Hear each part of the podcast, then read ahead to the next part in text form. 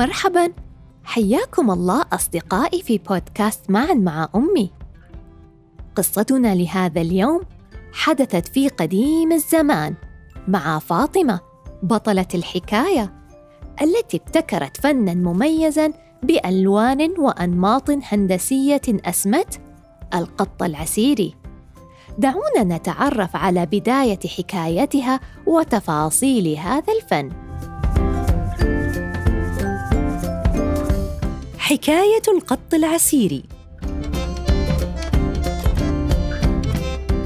كان يا مكان في قديم الزمان في منطقة عسير التي تقع في جنوب المملكة العربية السعودية. تزوج شاب اسمه أحمد بفتاة جميلة اسمها فاطمة. سكن أحمد وفاطمة في منزل صغير جدرانه بيضاء.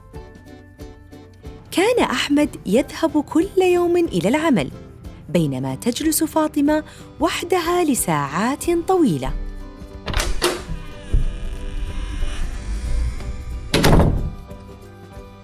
ذات يوم قررت فاطمة أن تشغل نفسها بشيء تحبه. فقررت أن تلون جدران المنزل ولكن ليس لديها ألوان. ففي قديم الزمان كانوا يصنعون الألوان بأنفسهم من التربة والصخور والنباتات. جهزت فاطمة ستة ألوان الأبيض والأسود والأحمر والأصفر والأزرق والأخضر. ولكنها كانت في حيرة ماذا سترسم؟ خرجت فاطمة للتنزه في القرية علها تجد شيئا ترسمه. مشت ومشت حتى وجدت نخلة كبيرة. سعفها مرتب ومنظم. ثم مشت ومشت فرأت جبالا بعيده شكلها كالخطوط المتكسرة. وفي طريق عودتها إلى المنزل وجدت شجرة كبيرة. معلق بها شيء غريب كالشبكة. عندما اقتربت منه قليلا اكتشفت بأنها خلية نحل ممتلئة بالعسل. حينها قررت فاطمة أن ترسم ثلاثة أشكال متشابهة للتي رأتها للتو الخطوط المتقابلة الخطوط المتكسرة والشبكة. عادت فاطمة إلى منزلها. وبدأت ترسم باللون الأسود على جدران المنزل البيضاء حتى ملأت الجدران. وبعد ذلك بدأت بالتلوين باستخدام الألوان الأربعة المتبقية الأحمر الأصفر الأزرق والأخضر حتى اكتمل تزيين المنزل وأصبح المنزل جميلا جدا. عاد أحمد من العمل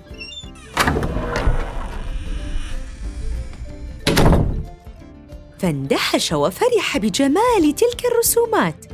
فطلب من فاطمة أن تسمي هذا الفن الجميل. فكرت وفكرت ثم قررت أن تسميه القط العسيري لأنهم يسكنون في منطقة عسير.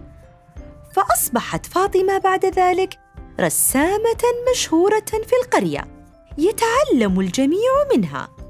وأصبحت منازل منطقة عسير مزينة بالألوان.